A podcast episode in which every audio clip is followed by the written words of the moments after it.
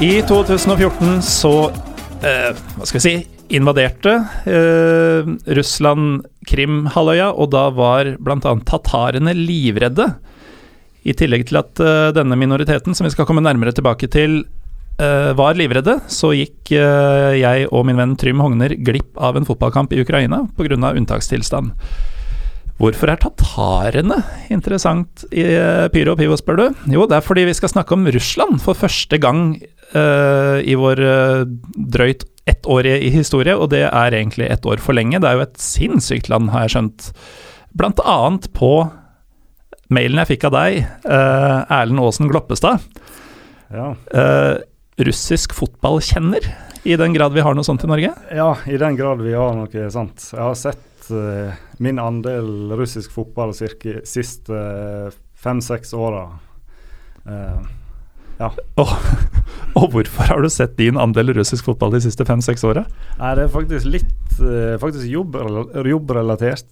Og eh, for jeg liker egentlig å følge eh, land som er litt utafor det, det vanlige, da. Det, jeg liker godt å se Premier League og La Liga, men det er òg veldig gøy å se noe som kanskje ikke alle ser hver helg. Ja, du, du høres litt ut som en vestlandsk meg. Eh, apropos, hvor er du fra? Fordi den nynorsken eh, du skrev denne mailen på, er noe av det kuleste jeg har sett. jeg er fra Sandane i Sogn og Fjordane. Ja, Ikke kjent for så veldig mye mer enn Oddbjørn Hjelmeset. der har vi det. Mm. Eh, og der er det et av de eh, stedene i Norge som seinest fikk pol. Det, det stemmer òg veldig godt, etter de fem-seks siste. Men eh, nå har vi et flott pol. og det er hyppig brukt av lokalbefolkninga. det, ja, det, det, det tror jeg. Eh, med oss i dag har vi også for første gang i eh, Det er mye første gang i dag, men for første gang i Pyro og Pivos historie så har vi faktisk en spiller som har spilt i landet vi skal snakke om. Jørgen Jalland, velkommen. Tusen takk. Eh, og jeg sier velkommen til tross for at jeg holder med Lillestrøm, og du har en mørk fortid. Jeg, jeg måtte jo google det da jeg ble invitert hit, og jeg så at du hadde fått uh, litt feil oppfostring, men uh, det får gå. Ja, men du, du kom deg jo unna da, denne lumske sekten som du ble dratt inn i, og, og rømte til uh, Tatarstan. Ja, En noe avsidesliggende del av Sovjetunionens eh, flaggskip, nemlig Russland. stemmer det. Jeg måtte google det òg når eh, tilbudet kom. Uh, Kazan var jo byen, og det, den hadde jeg ikke hørt om før, så det, det ble et eh, nytt bekjentskap. Ja, på mange måter. Det mm, var jo Altså, man, de som ikke har vært i Russland, meg inkludert, eh, har vel sine fordommer om eh, landet. Men eh, fra Moskva til eh, Kazan så er det vel en ganske lang kulturell eh, reise også. Ja, det vil jeg absolutt si. Det er jo et par timer i fly, sånn rent fysisk, men det, det er ganske annerledes i Kazan. Det er en stor by, det òg. Det er en million mennesker som bor der. Så, og de det er en veldig gammel by. De hadde tusenårsjubileum mens jeg var der, eller om det var året f før eller etter, husker jeg ikke. Det var iallfall akkurat det momentet. Og masse kultur, men, eh, men ganske annerledes enn det både Moskva og andre steder jeg har vært. Og disse tatarene jeg nevnte innledningsvis, de kommer kom jo da opprinnelig fra dette området som heter Tatarstan. Ja. Ble vel, eh, hvis jeg ikke husker helt feil, tvangsflytta av eh, Stalin til eh, Krim. Eller- Eh, ja, ja, altså Jeg ikke, har ikke studert den historien veldig godt, men, men slik jeg har forstått det, så har det litt uh, historie helt tilbake til Ivan Grusomme, som sloss seg opp til, uh, opp til Kazan og videre oppover. Uh, så det er i hvert fall asiatisk herkomst, kan du si, da, på, Mm. en, på en del av befolkningen der. Der var det jo omtrent 50-50 med russere og eh, tartarere, da, som i utgangspunktet er muslimer. Uh, men levde veldig fint og rolig sammen. Ja, for det, det var jo noen eh, Jeg har jo googla litt, jeg også, og kommet over noen ti-tolv år gamle reportasjer, og det var jo eh, noen saker om at du, eh, du kom til en eh, noe annen kultur, men eh, at det eh, Det var helt Det gikk an å leve et normalt liv der. Ja, absolutt. De, de hadde begynt å bli veldig influert uh, av, av Vesten. Og det de, eneste de ønsket, var å bli uh, så like Eller få vestlige goder, da, hvis jeg kan kalle det det. Altså butikker og merker og ja, alt det. Så det begynte å bli ganske vestlig, vil jeg si, der borte. Altså. Vi er jo en podkast som, som liker å ta for oss litt odde verdenshjørner og lag og typer. Og en mann som eh, jeg er eh, ganske fascinert av, og jeg håper at eh, lytterne i det minste har hørt om, det er jo en av dine favoritter, Erlend. Kurban Berdiev. Ja, her, her snakker vi Iallfall utenfra, så virker han som en interessant skrue. Ja, hva, hva er ditt inntrykk av Berdiev? Berdiev? Er jo Først og fremst så jeg virker han for å være en veldig god fotballtrener. Eh, for han har jo fått ting ut av Rubin Kazan og har tatt Rostov til Champions League. Uh, men uh, selvfølgelig, hvis jeg tenker det første jeg tenker når jeg hører navnet, så er det en mann som sitter på sidelinja med en sånn trelykkearmeband eller hva det er, og må ha det og sitte og holde på det under kampene. Ja. Og ja, han er da en uh, turkmener som vel var Du sier han tok Rostov til Champions League, var det han som også tok uh, Rubin til Champions League i sin tid? Eh, Ja, det mener jeg jo, ja. ja. Så det er en voldsomt merittert type som har tatt klubber som folk kanskje ikke hadde hørt om før Jørgen havna her. Uh, og da Rostov, som uh, ingen hørte om før uh, Janukovitsj flykta i forbindelse med invasjonen i 2014. Uh, det var jo dit han dro og holdt sin første pressekonferanse i eksil. Men han er uh, uh, ifølge kjenneren Erlend uh, kjent for å være en litt sånn inneslutta, sjenert uh, type, men denne meget uh, ja, på sitt vis eksentriske uh, utad Kurban Berdiev, hvordan er han, Jørgen? Du hadde den som trener, du. Ja, jeg hadde det. Eh, han var treneren når jeg, det var han som henta meg bort dit, og var der eh, og var hovedtrener. Eh, og det er jo helt riktig det, det som blir sagt her. Han, eh, han, han var litt overtroisk. Eh, så på kampene så hadde han noen ting han bare måtte gjøre. Og det ene det var at han eh, aldri hadde på seg jakke. Ytterjakke. Aldri? Nei, ikke så lenge jeg, jeg var der i hvert fall. Så, og, det kunne være ganske kaldt både på våren og spesielt på høsten. Jeg spilte ut, eh, utover i november og omtrent minusgrader, men han, han kjørte da høyhalsa genser, eh, dressjakke eh, og et eh, bønnekjede i den ene hånda og en minutgave av Koranen i den andre. og det holdt han på gjennom hele kampen.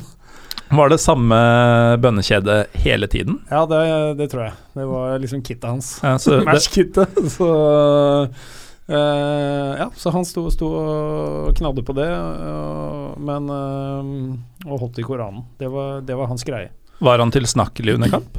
Ja, absolutt. Han fulgte med på matchen, og utover det så opptrådte han jo som en fotballtrener. Eh, men, han, eh, men, han måtte liksom ha med seg de to tingene. Da. Eh, og så var var det noen regler. Altså, det var masse overtro. Så jeg husker var på slutten av en oppvarming, så var alle på vei inn. Og så tok jeg og, og smalt én ball inn i nettet på goalen vår. Og da, da bare nei, nei, nei, nei. Hele laget stoppa. Og så måtte keeperen inn i goalen igjen, og så måtte jeg skyte en ball i hanskene hans, så kunne vi gå inn. For det var ulykke å, å sette en egen goal før man gikk inn. Det var ikke greit. Hvis man ser et mål, og det ligger en ball si mellom 5 og 25 meter fra det målet, så gjorde du det mest naturlige som fins, Ja. og det gjør man ikke. Det betyr ulykke. Så det var, da, da måtte keeperen Han var ganske langt unna da det her skjedde. Ja. Han måtte på med hansken igjen, eh, over halve banen, inn i goalen. Og så måtte jeg skyte en ball i hanskene hans. Det var det viktigste. For det var sånn at du, du skyter ikke baller inn i tomme mål, Nei. eh, ferdig snakka. Ja. Med mindre det er kamp, selvfølgelig, og du har fått en mulighet. Nettopp. Men eh, var dette noe som kom fra, fra Berdiev, eller var det en kulturell greie som var forankra i uh... Det var sterkt forankra. Jeg tror ikke det var noe personlig hos han, akkurat den. Men uh, det var liksom Det var, det var ganske sånn uh, kraftig reaksjon over hele linja. Ikke sinne, men altså, de hadde litt humoristisk sans til mye av den overtroen selv. Men de, de, de, de, var de måtte følge uh, sine kutymer, holdt jeg på å si, da, og, og gjøre opp for det. Da ble, da ble det balanse igjen. Jeg skjøt en ball i hansken hans. Da var det balanse, så da kunne vi gå inn. Så de, de skjønte til en viss grad at det var eh, litt fjollete, Ja. men de trodde på det? Det var, det, var liksom, det, var, det var litt uh, humor med det, men, de, men, men det, det var en sånn tvangshandling da, som de måtte gjennomføre. Så uh, det var mange sånne ting. Uh, vi, ja, det var mye rart. Vi dro til kamp, og da var det uh, alltid buss fra klubbhuset og til uh, Og da satt praten løst. Da satt praten løst. Uh, nei, den gjorde ikke det. jeg skravla løs. Det er første gang vi, vi kjørte. Fra, det var kvarter 20 minutter med buss fra klubbhuset og til, uh, til banen, til stadion. Og da, da ble jeg hysja på. Det var ikke snakk. Men så brøyt plutselig jubelen løs, og alle klappa. Uh, midt under den turen, og da skjønte jeg jo ingenting. Uh, det var litt senere i sesongen, da. For vi kjørte under en Det var et tog som gikk over, uh, og vi da kjørte i vei, på vei under med bussen. Og da kom toget over akkurat når vi kjørte under, og da måtte det jubles. Så Det var også en sånn greie, da. Og da jubla alle. Og det er klart utlendingene som har vært med på det her før. Vi hadde jo mange, masse utlendinger, det var mange søramerikanere, og de, de jubla litt ekstra, da, fordi de, de, det var liksom, de syntes dette var så tåpelig at eh, Men det var pålagt å juble, så da måtte vi gjøre det ordentlig. Så men eh, bortsett fra det, så var Korball en veldig Han var en eh, bra trener. Det var jo det var egentlig temaet vi var på. Egentlig var vi det. Men uh, Erlend, du som har fulgt eh, godt med på russisk fotball, og helt åpenbart uh, jeg, jeg kan jo gi deg litt kudos med en gang. Det er andre gang i Pyro Pivos eh, eksistens at jeg ikke har smelt sammen en agenda selv. Fordi den mailen jeg fikk fra deg hvor du bare skulle kjapt introdusere deg selv og ditt forhold til russisk fotball, var på tre sider da jeg printa det ut. Og eh, det er såpass uh, forseggjort at eh, jeg trengte ikke å gjøre noe særlig forarbeid. Det har skjedd en gang før, og det var da Josimar-skribent og universalgeni Even Smith Wergeland skulle være her. Så du er i en meget eksklusiv eh, klubb. Men eh, når du da har satt deg inn i eh, russisk fotball, um, har du mm, fått noe innblikk i denne typen holdninger? Altså, visste du om uh, sånne overtroiske ting og Eh, ja, jeg har, en, eh, jeg har en kamerat, en russer, som bor i Kaliningrad. Og han har, eh, de gangene jeg har snakka med han om ligaen, og sånn, så har jeg fått inntrykk av at det er, er enkelte sånne ting du gjør og ikke gjør. Sånn som, ja, sånn som det med å skyte, skyte ballen i mål før kampstart eh, og sånn. Så jeg har inntrykk av at det er en del sånn faste ting som skal skje før kampene starter. mm. Eh, Iallfall med enkelte enkelte lag og trenere. Men akkurat sånn er det vel litt overalt, du som har eh, spilt litt rundt omkring, eh, Jørgen. Er ikke fotballspillere generelt veldig eh, Eller tror- mange veldig overtroiske? Jo, det er mange som har mye rart eh, de må gjøre på, på kampdag og før kamp og under kamp og, og sånne ting. Men det er litt mer sånn personlige greier, har jeg inntrykk av, i Norge. Der borte så var det, var liksom en sånn kollektiv uh, sak, da, hvor det var ting laget måtte gjøre. Mm. Så det var, det var litt annerledes for, for min del. Mm. Men du, du nevnte at uh, Kurban Berdiev aldri gikk med jakke. Nei. Spilte dere mot Novosibirsk eh, borte? Nei, det kan jeg ikke huske. Jeg tror ikke det. Vi hadde noen, jeg husker noen ganske kalde matcher på sentralen i stadion, som det het da. Nå har de fått ny bane. I Eh, Kazan? I Kazan, eh, i forbindelse med VM. Men, men det var, var noen ganske kjølige høstkamper, altså.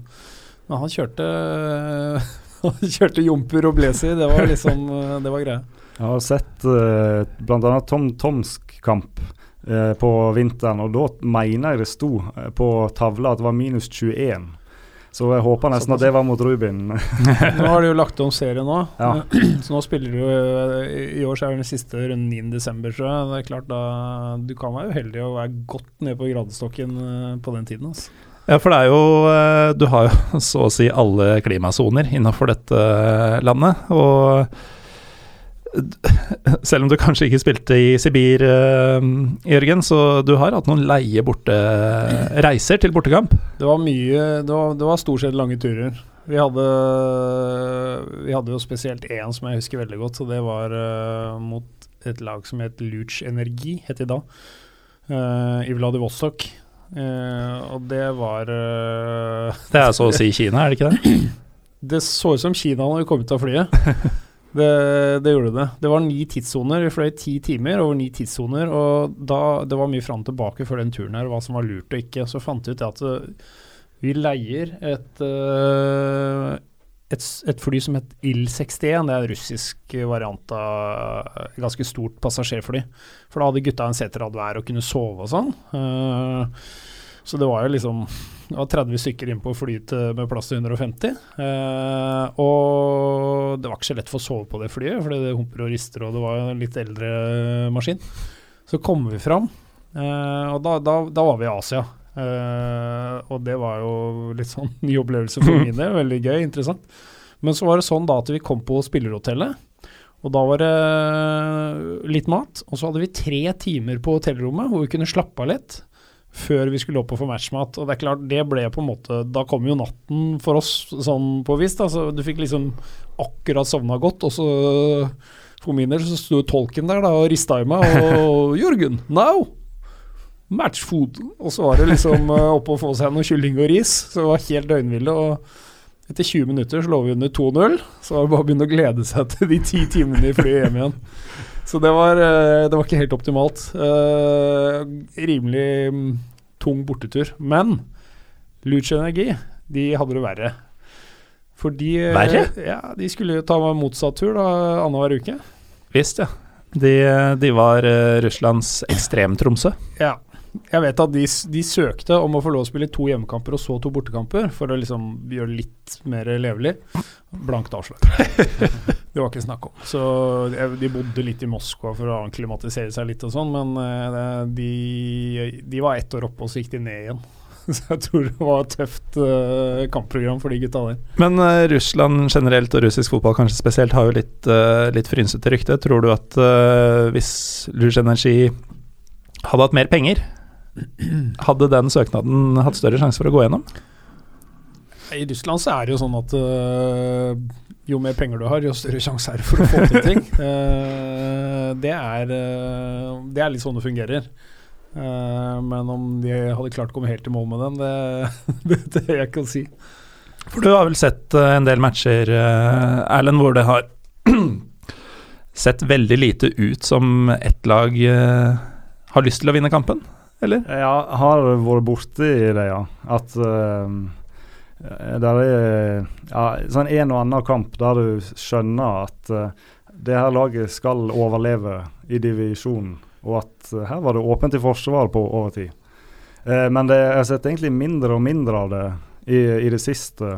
At det virker mer og mer proft, på en måte? Ja, eller? rett og slett. Mm. Det, det, gjør det. Og så har du jo um, det er interessant det der med distansene med, i Vladivostok. At eh, der vil Vladivostok de vil helst spille kampene sine så tidlig som mulig på dagen. Eh, mens når Vladivostok er på bortetur, så vil da motstanderen spille senest mulig for å få Sånn at eh, enkelte kamper hvis det, Vi må ikke rote helt med tidssonene, så er det vel sånn at uh, når, om Vladivostok spiller en kamp klokka seks på kvelden i Moskva, så er den jo egentlig på natta med dem. Samtidig som at når de spiller heimekamp, så begynner kampene i sjutida på morgenen. Mm. Uh, Iallfall i, i vår tidssone. Uh, så begynner den klokka sju på morgenen, sånn at motstanderen blir helt uh, Ja, de kommer aldri i gang, for det, uh, det blir enten for seint eller for tidlig.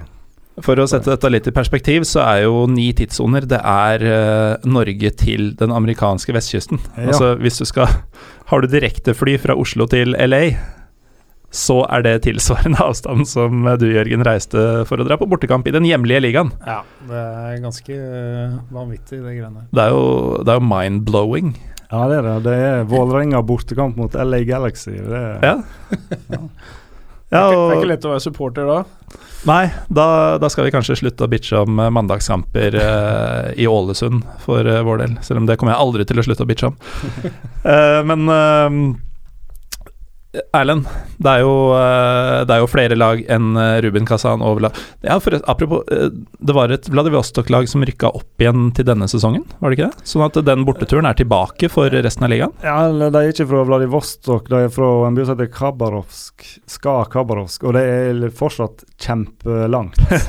det er nesten like langt. Så det er jo marerittet for vesteuropeiske klubber er hvis de der har en god sesong og skal opp i Europaligaen eller Champions League, så må du egentlig fly til uh, ja, Nord-Korea.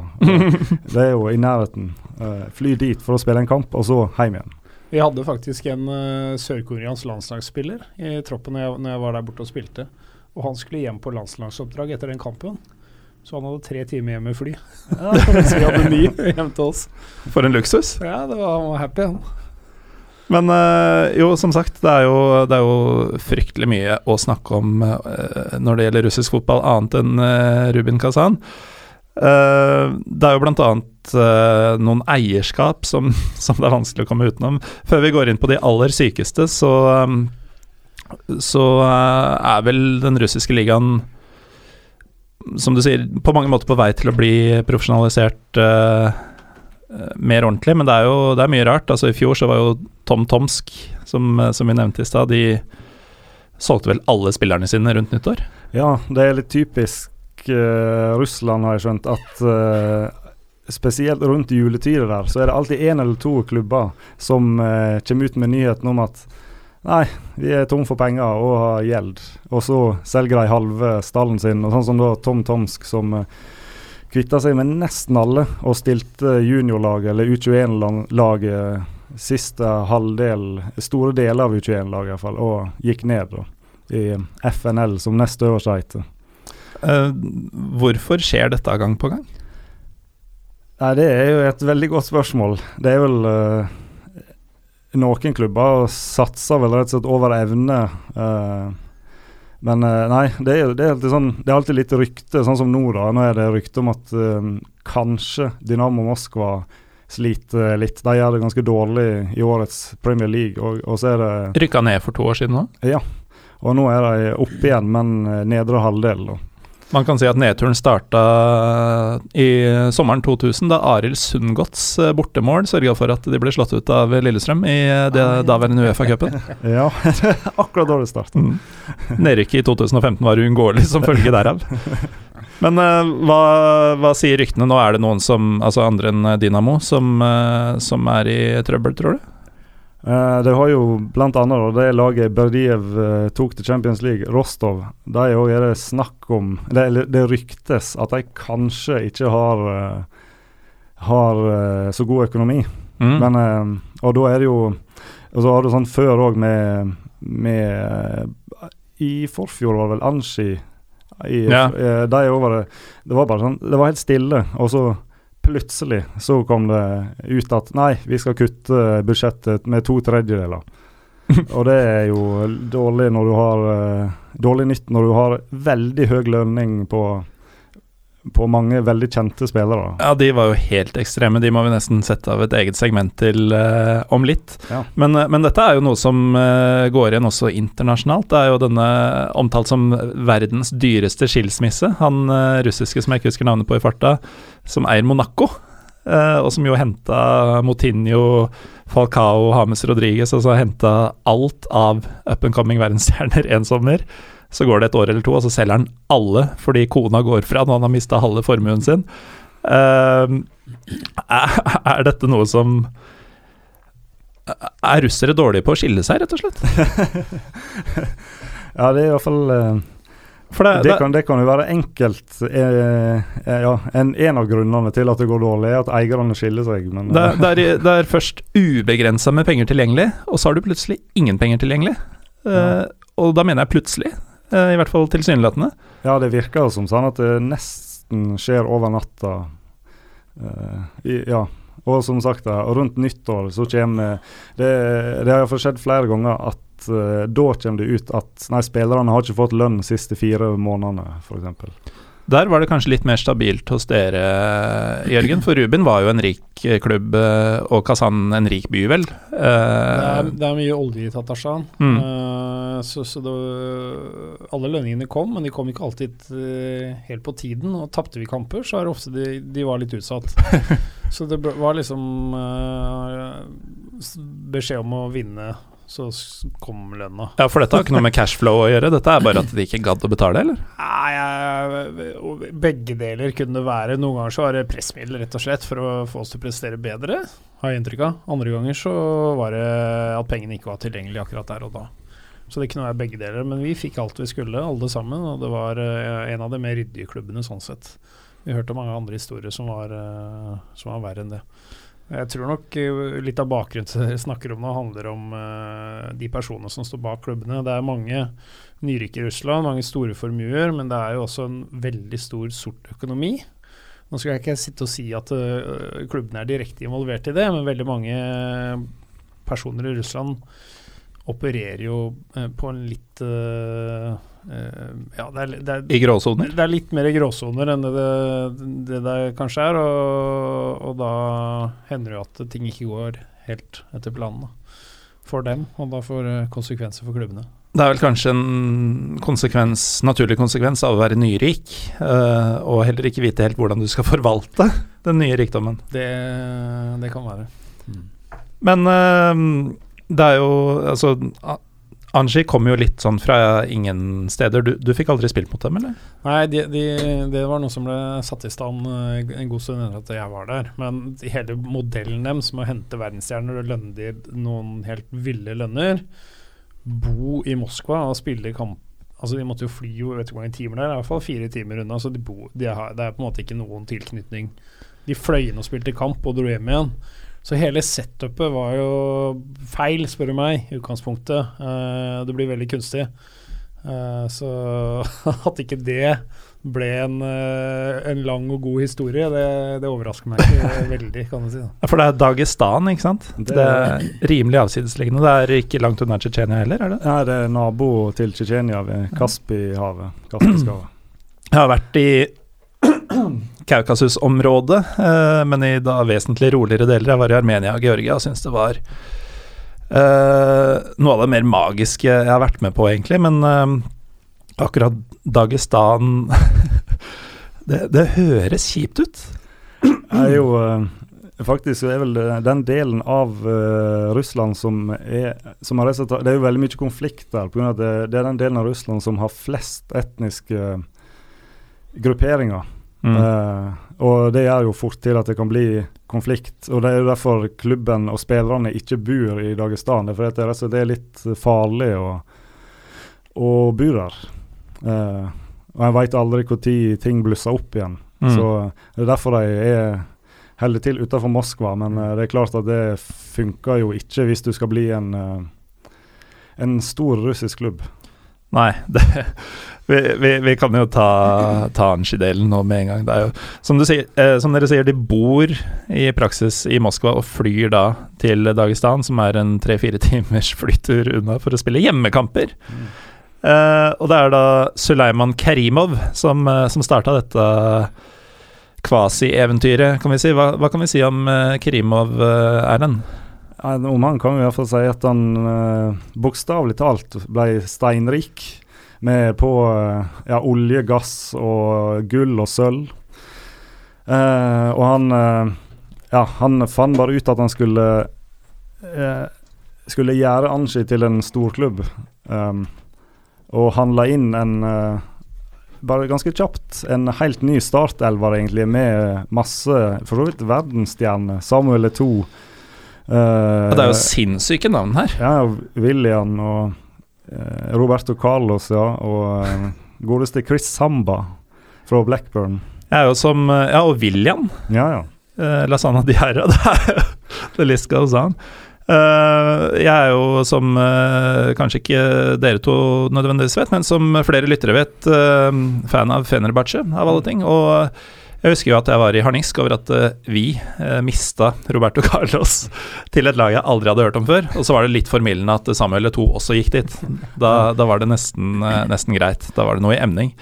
Men- jeg mener jeg to Når han gikk til Anski, så han eh, Så fikk han verdens høyeste lønninger som fotballspiller. Mm. Det er jo, det er jo det er egentlig kun det, det, er det som må til for å lokke sånne stjerner til eh, den type klubber. Da. Som er, det skal sies at Anski ble vel stifta rett etter Sovjet eh, fall, Sovjetunionen fall, men de, eh, de har ikke blitt Det har ikke vært et lag å regne med da, før det her small til i 2011, var det? Ja. Ja, derom, der omkring. ja. Uh, Jørgen, lite sidespor her, men er det lov å spørre eh, Det er jo ingen hemmelighet at det er mye penger i russisk fotball, og kanskje enda mer for noen år tilbake. Eh, hvor mye Hvor stor rolle spilte det i din uh, avgjørelsesprosess da du skulle forlate Norge og bli proff i et sted som du vel ikke hadde noe spesielt nært forhold til? Ingenting. Nei? Nei, det var ikke noe øh, Du måtte bare vekk fra Vålinga? Nei, på ingen måte. Uh, jeg hadde akkurat hatt en helt fantastisk sesong i Vålerenga, hvor vi tapte seriemesterskapet med ett mål.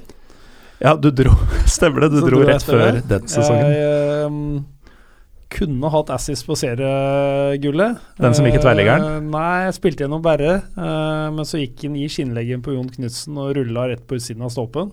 Dette hadde du ganske fotografisk eh, Den i minnet. Den kommer opp uh, en gang imellom, jeg må innrømme det. Uh, men det hadde en fantastisk sesong der, så det hadde ikke noe med det å gjøre. Men det var en, det var en mulighet som dukka opp. Og jeg, som veldig mange andre fotballspillere, hadde alltid drømt om å bli utenlandsproff, som det heter. da. Og ja, jeg tenkte bare at eh, jeg tar sjansen. Og det var, eh, det var spennende. Syns det virka veldig spennende. Så, så jeg hoppa på.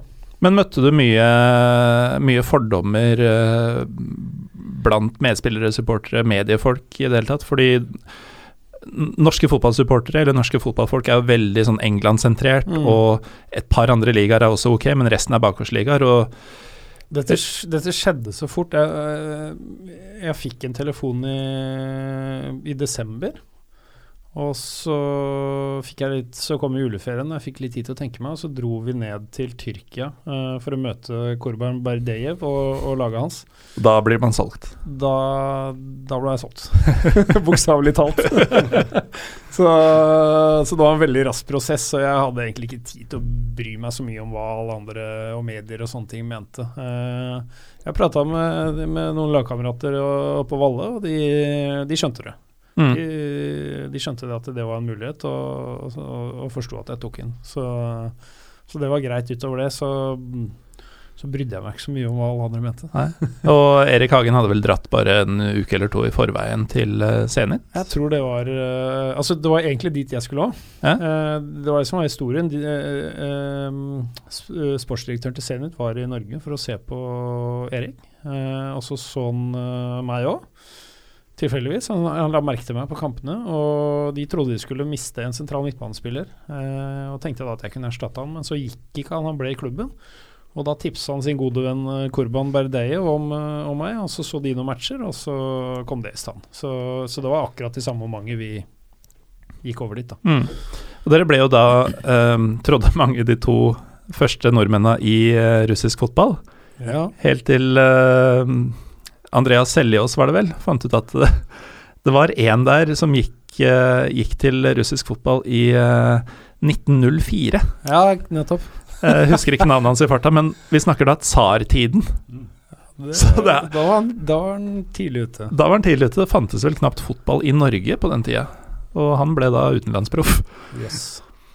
Eh, det er ganske Så vi snakker jo bokstavelig talt en annen tidsregning. Det var, Eh, det var faktisk en bandyspiller, en norsk bandyspiller i. Kazan. Ja. Pleide du noen omgang med han, eller? Nei, han dro øh, det jeg eller, Altså, vi var jo på treningsleir på vinteren, så var vi på, på treningsleir hele vinteren. Så Mm. jeg var ikke i Kazan før i april, tror jeg. Og da hadde han dratt. Så han så jeg aldri. Nei.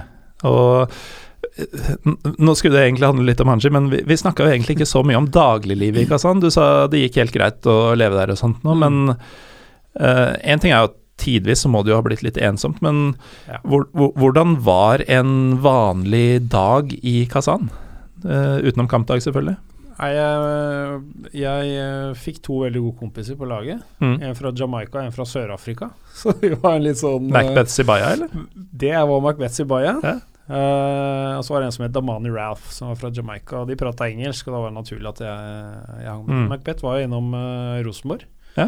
Eh, før han dro til Rubin. Han, han er en legende der borte. Han var vel i klubben i ni år til slutt, tror jeg. Ja, jeg Og- trodde du mente Rosenborg nå, for der er Nei, der var han ikke legende. Eh, der, han var der bare et halvt år. Uh, men etter å ha sett hva han har prestert i Russland, så tror jeg kanskje han kunne gjort en rimelig grei jobb for Rosenborg. Mm. det, er jeg ganske sikker på.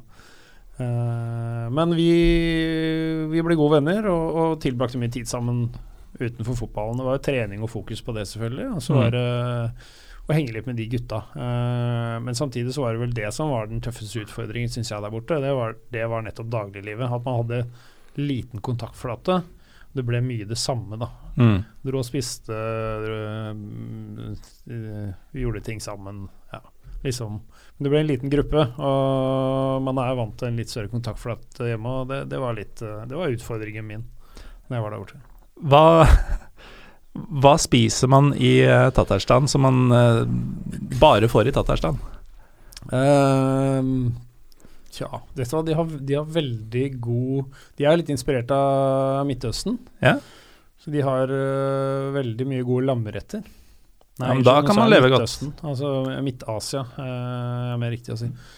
Eh, ja, så det var, det, det var eh, en del usbek-restauranter som jeg syns var uh, spennende. Og så er det selvfølgelig den klassiske borch, da, som uh, Ja, den, eh, den er fin. den er fin, så den, eh, det, det ble vi vant til å uh, spise.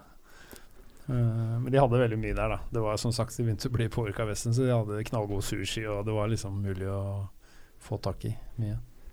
Så det var eh, et mer eller mindre normalt sted å leve. Ja, jeg ville si det. Altså, det er jo, men det er jo de særegenhetene ved, ved samfunnet som man liksom husker, og som er litt morsomt nå. Da. Eh, ikke sant? Sånn som at eh, når du kommer til kryss, så er det med den største bilen som kjører. ikke sant? Og politiet er så korrupt at de stopper fem av gangen og sier de må kjøpe for fort. Og, ikke sant? Alle de tingene der da, som, eh, som er veldig spesielle, noe de ikke opplever her. Som, eh, jeg var En gang jeg ble stoppa i fartskontroll, og da, da, da hadde jeg kjørt for fort. Og han hadde radar og alt, men så kjente han meg igjen. Og når jeg lova å skåre to mål til helgen, så slapp jeg å betale bota. Holdt du det løftet? Nei, jeg gjorde ikke det, men uh, traff heldigvis, heldigvis ikke han igjen, da. Nei, Så- han så ikke og venta utafor huset ditt da du kom tilbake? Nei, det var heldigvis et annet sted jeg ble stoppa, så jeg tror ikke han visste hvor jeg bodde. Men uh, Ja, det var den avstikkeren, men eh, tilbake til Anshi, altså Suleiman uh, Kerimov. Styrtrik på, eh, på naturlige råvarer, holdt jeg på å si. Handla så det ljoma. Og eh, som så mange andre nyrike russere, mista deler av formua Mm. og interessen. Solgte klubben til hvem da, Erlend? Ja, da solgte han til en som heter Osman Kadiev. Men han var en ryddig fyr. Eh, nei. han eh, kan bl.a. nevne at han eh, Jeg vet ikke om han fortsatt står på lista, men han var iallfall lenge ettersøkt av FBI. For hva da? Eh, nei, det er det at jeg tror kanskje at han, han er enten veldig tett knytta til eh, russisk mafia, eller så er han i toppen der sjøl. eh, og han er jo en eh, Han har vel fått forbud mot å eie klubber en periode. Han fikk iallfall ett års utestengelse i, eh, i Russland eh, en gang, og det var jo eh, jeg kan jo ta den historien med at han, han Det var før han tok over Anji. Han, han eide en annen klubb i samme by. Og uh, da tror jeg Lurer på om det faktisk var Vladivostok de møtte. Uh, uh, da var han misfornøyd med dommeren. Så han sto underveis i kampen og tr trua med å drepe dommeren fordi han var så dårlig. Han sto på VIP-tribunen og begynte å snakke om å drepe dommeren? eller? Ja, eh, og han eh, eh, Etter det jeg har skjønt, iallfall, så når det var pause Dommeren gikk inn i, i sin garderobe, så gikk det en liten stund, og så banka det på Eller mest sannsynlig banka ikke han på, jeg tipper han gikk rett inn.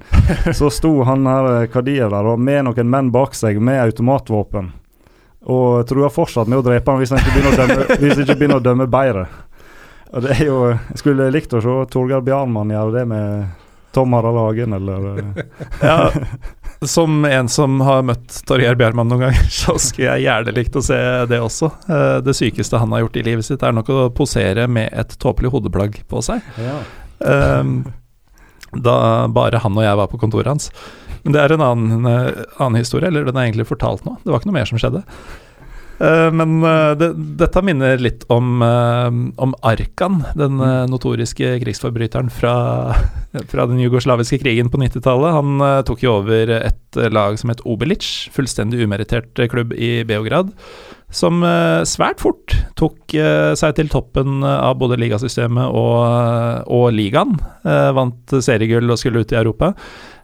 Om han så florerer det en god del historier, annet så skal han, og dette er ubekrefta, men de skal visstnok ha um, spraya bortegarderobene med lett um, bedøvende gasser. Og en annen ting er at han hadde kommet inn i bortegarderoben en gang og retta pistol mot kneet til lagkapteinen i pausen. Uh, en kamp som følgelig ble snudd i andre omgang. ja. Uh, så det er mye snacks i, uh, i østeuropeisk fotballhistorie, også i nyere tid. Uh, Anji er jo et kapittel for seg, men du har jo også det som inntil forholdsvis nylig het uh, Terek Grosny, fra noenlunde samme område. Ja, det er jo nabostat, kan vi vel si. At det er med Ja, hette Terek Grosny fram til årets sesong. Nå heter de Ahmat Grosny. Ja, for jeg så Jeg hadde jo egentlig hørt om det, og så glemte jeg det i løpet av sommerferien, og så så jeg plutselig et nytt Grosny-lag i ligaen og tenkte fett, får vi et derby der? Av alle steder. Og det fikk vi jo ikke. Nei, det er fortsatt Det er det samme laget med de samme spillerne, men uh, nytt uh, navn. Det er jo uh, igjen rimelig berykta eier der, Ramzan Kadyrov. Mm, sønnen til Ahmad. Ahmat Kadyrov. Så da kan en jo rekne sammen én pluss én, og, det blir, og nå heter det da Akhmat Grosny, navnet til faren hans. Ja. Og han la jo ut eh, De hadde jo sin beste sesong i fjor. Endte vel rett utafor europaligaplass. Femteplass, Ja, tror jeg det var. Eh, og når sesongen var over, så la han ut på Insta faktisk at uh, etter press fra mange tusen fans, så skal de nå skifte navn på klubben fra Terek til Ahmat. Jeg, tror kanskje det ikke er så veldig press fra fansen å skifte navn til nav samme navn som faren til uh, eieren. da. Men, Nei, altså Som en som uh, kommer fra uh, holdt på å si betongmiljøet, tribunemiljøet, uh, så kan jeg si med rimelig sikkerhet at svært få fans presser på for at klubben din skal bytte navn. Har du bytta logo også, vet du? Det blir vel kanskje en del av det? Ja, det var faktisk et veldig godt For det, spørsmål. det også er en stor uh, fanfavoritt, nemlig. Å Ja. endre de, de hellige tradisjonene i, Ja. i klubben. Jeg tror ikke det er så veldig mange som tør å si imot Nei, det nede. det er vel det. Det, Um, sp spiller de hjemmekampene sine i Grosny? det gjør de. Og det er jo i Tsjetsjenia, for de som ikke vet det. Også et eh, relativt betent uh, område, i Ja. hvert fall inntil nylig. Det er vel ikke noe lek å bo der nå heller, spesielt Nei, ikke ikke for. Spesielt ikke for homofile, f.eks. Eh, det- Ramzan Kadyrov er vel notorisk kjent for å ikke ha veldig sans for eh, ja, Annerledeshet. Annerledeshet, rett og slett. mm. Vi hadde noen kamper der nede. Og da spilte Eh, dere spilte i, i Grosny. Mm. Hvordan eh, Fikk du noe inntrykk av byen, stedet Ja, Kulturen? Vi holdt oss på hotellet. Ja. uh, så det var uh, Ja. Det, vi, vi ble bedt om å holde oss innendørs. Uh, og jeg husker vi spilte mot et annet lag der nede som het Spartak Nalchik. Mm. som ligger Ja. Og da var det uh, bevæpna politi på løpebanen under hele kampen. Altså ikke sånn eh, inn på siden. De sto med ti meters mellomrom med store automatrifler rundt hele løpebanen. Så det er et litt spesielt uh, område å spille kamper i. Det skjedde aldri noe, Uh, og det var, det var greit sånn sett, men uh, det, var, det er ikke det mest hyggelige når du skal ut for å hente ballen til et innkast, så må du liksom løpe sikksakk mellom to med, med rifle. Når, når, du, når du kommer fra en liga hvor det skumleste er å spille i, i Bergen og kanskje mot Lyn og Lillestrøm, så er det jo en viss uh, akklimatisering som må til for å kunne holde huet på rett plass i de bortekampene her. Ja, det er litt, uh, litt større trøkk på den måten. Det er det. Uh, rart hva man blir vant til, men uh, det var jo heldigvis bare én bortekamp i året. Men hvordan Var du forberedt på at, at det at, det gikk så langt? Altså En ting er å bli bedt om å holde seg på hotellet, det er jo ganske fornuftig. Altså Om du bare har sett hovedoverskriften i et par nyhetssendinger på 90-tallet, så tenker du Gråsny. Mm. Så lite som mulig utforsking. Ja, vi Nei, jeg var ikke forberedt på det. Uh, vi, vi, jeg husker vi kom på hotellet, og, og vi oppdaga at det sto bevæpna politi. Uh, ikke politi, men vakter uh, på utsiden, og de ble stående hele natten. Mm. Uh, så da fikk vi en liten forvarsel, men eh, det var, det, var, det var ikke noe snakk om det at de skulle være på kamp, og at det skulle være det oppbudet. Så det var, det var en overraskelse når vi, uh, når vi kom på stadion, for min del i hvert fall. Men hvordan var, hvordan var trøkket på tribuner i Gråsny? Er det Nei, det var ganske Det var høylytt og bra trykk. Det var kjempestemning på matchen. De- heia selvfølgelig på hjemmelaget, men eh, det var ikke mange bortesupportere. Men det var, eh, det var veldig bra kampramme og, og trekke på stadion. Det var det. Men uh, Tsjetsjenia er jo også mm, Jeg vet ikke om det er hovedsakelig, men i hvert fall det er en vesentlig muslimsk befolkning der også. Hvordan var forholdet mellom folk fra Tatarstan og Altså, var dere noe mer eller mindre populære enn andre lag som kom? Nei, det klarte ikke jeg å oppfatte. Jeg, jeg hadde inntrykk av at hvis, hvis det ble reagert på noe, så var det stort sett eh, mer rasistisk eh, vinkling. Eh, det var en god del av der borte. Mm. Eh, Og da kanskje spesielt mot dine to gode venner? Ja, men altså De På bortekamper så, så var det liksom ikke det som var fokuset mitt. Da var jeg i kampen. Og man hørte om det etterkant og sånne ting. Eh, de fikk noen tider opp, men samtidig så var det jo store helter på hjemmebane. Eh, spesielt Sibaye, som har vært der så lenge. Han, han var jo Jeg husker han var skada en periode og kom tilbake ut på stadion. Eh, vi andre, Han skulle bare være på benken for første kampen hans, så han kom ruslende ut når vi hadde vært i gang med oppvarming en stund. Hele stadion reiste seg, og det var et jubelbrød som vi skulle ha, akkurat ha scora. Så, så man var respektert sånn sett, men så snakket jeg også med andre fargede mennesker i byen som uh, studerte, og det var ikke helt greit. Nei. Så øh, det var øh, de, de har sine utfordringer med de tingene der. Men jeg, jeg har inntrykk av at i, i Kazan, hvor jeg var, så var det veldig stor toleranse totalt sett. Eh, og ja, som sagt, det som ble ropt på kamper, det, det er ikke så liksom godt å få med seg når du er uh, i matchen sjøl. Eh, er, altså, på litt mer sånn generelt grunnlag fra en som har eh, bodd der, er eh, Kazan et sted som er verdt å oppleve for en eh, reisende? Det er en veldig flott by. Det er det? Eh, deler av den. Eh, den delen som ble bygd før eh, Før eh, Sovjetunionen tok sitt grep. Eh, så har de en Kremlin uh, med en del bygninger i, og veldig mange flotte bygninger. Mm. Uh, byen ligger uh, der hvor to elver møtes. Volga Kasanka, tror jeg den andre heter. Så, så det er en veldig gammel by. Det er skipstrafikk forbi der i, i mange tusen år. Så det, det er et fint sted å se, men det er jo ikke sånn Det er litt utenfor allfartsveien. Ja. Det, det, det er kanskje for litt spesielt interesserte. Det er det. Hvis du drar på en sånn Stan-turné i, eh, i Russland, så Da må du ha med det. Da må du ha med Kazan. Jeg må innom Kazan. Men bare da. Ja. uh, vi, vi nærmer oss slutten, men uh, du kom med en liten ekstra Uh, Altså, du sendte jo en svært omfattende mail til meg, Erlend, om uh, Vi har jo ikke engang dekka alt. Men uh, i tillegg så kom det en liten ekstra ting dagen etter, og det er uh, Og dette er jo Jeg nevnte tidligere at jeg var i Armenia i sin tid, og ble veldig glad i, i det landet de dagene jeg var der. Så nevner du en klubb som heter Ararat Moskva, Ja.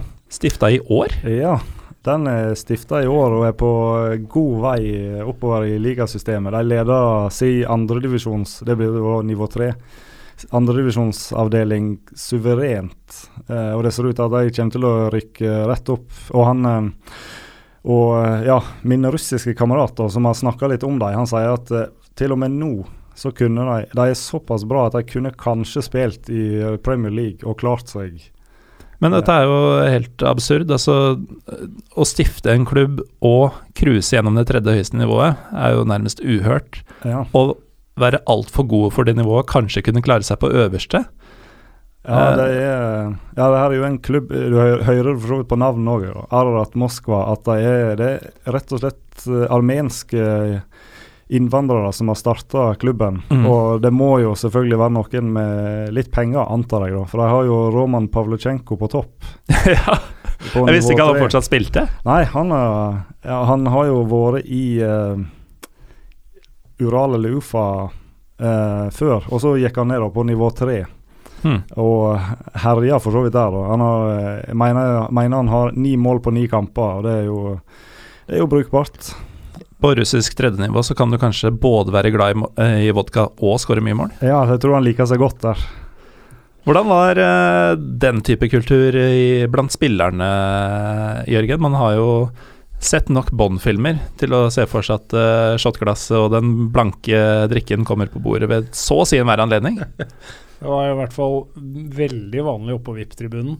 Ja.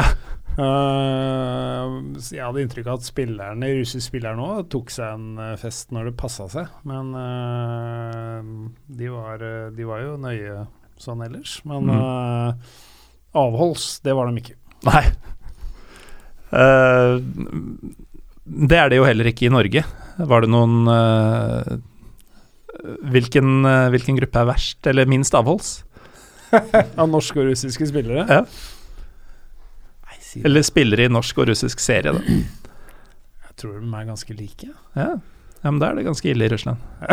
Nå er det ikke alle klubber uh, som er like i Norge heller, da. Jeg vet ikke, Du kan kanskje fortelle litt om åssen det er i Lillestrøm? Lillestrøm så er det veldig kort vei uh, fra holdt på å si, tribune til bane, og Ja. også fra stadion til pub. Ja. Både for den ene og den andre. Ja. Og um, uh, vet- Du spilte aldri med Nei, det var litt etter din tid, men Fegård og Gude, som eh, kom til Vålerenga rundt 2010 der omkring, han eh, var jo ikke den skarpeste kniven i skuffen. Og en ting som er, eh, er fint med å holde et lite lag, er jo at uh, man kommer veldig nær spillerne på mange måter. Og en tradisjon vi har, er at uh, på siste hjemmekamp hvert år, eller siste kamp, så lenge den ikke er milevis unna, så uh, har man en årsfest da, på puben etterpå, hvor spillerne gjerne kommer og sosialiserer litt og tar seg noen glass og sånn. Uh, Fegård og Gude, Vålerenga-spiller, dukka like gjerne opp på Kanarifansens. Fordi han var kompis med Nåsa. det trodde han var greit. Eh, men eh, det var en eh, digresjon. Uh, Ararat Moskva høres jo ut som en ubetinga suksess, Erlend, men Valeri Oganessian, Ja. som vel var president i klubben, Ja. Han øh, syns det var litt for mye solskinn, kanskje? Så, han eh, er vel plutselig ikke der lenger. Eh, og han tok med seg det, det er jo sånn, det må, det må alltid dukke opp et eller annet. Han er iallfall ikke der, der lenger, og har vel reist til Georgia igjen og tok med seg deler av klubbkassa. ja, sånn pluss-minus tre millioner kroner. Ja. Så vi får se om de, om de fortsatt holder koken da, eh, framover, eller Han holder i hvert fall koken en stund. Jeg kan, eh, kan fortelle at med tre millioner kroner kommer du ganske langt i, eh, i Georgia. Du kommer også til å opp, eh, tiltrekke deg ganske mye uønska oppmerksomhet. Eh, og kanskje de tre millionene forsvinner før du veit ordet av det pga. det. Men vi får se hvor, eh, hva framtida bringer for uh, Oganesian uh, og uh, fotballpengene hans i Georgia. Eh, vi må runde av, men eh, jeg må jo takke dere for at dere kom. Eh, Erlend Aasen Gloppestad, som gjorde mitt grovarbeid. Og du skrev jo også at du aldri hadde vært på verken radio eller podkast før. Dette har vært en debut. Og Ja, må, om jeg kan si det selv, holdt jeg på å si, en bunnsolid sådan. ah, Tusen takk. Så deg vil jeg gjerne ha tilbake hvis sjansen byr seg. Eh, Jørgen Jalland, tross din mørke fortid, har det vært en glede å ha deg her. Takk for at du kom. Takk for det. Bare hyggelig. Jeg heter eh, Morten Galaasen. Vi er eh, Pyro Pivopod på Twitter og Instagram. Neste uke så skal vi til Brasil, hvis ikke ting går fryktelig galt.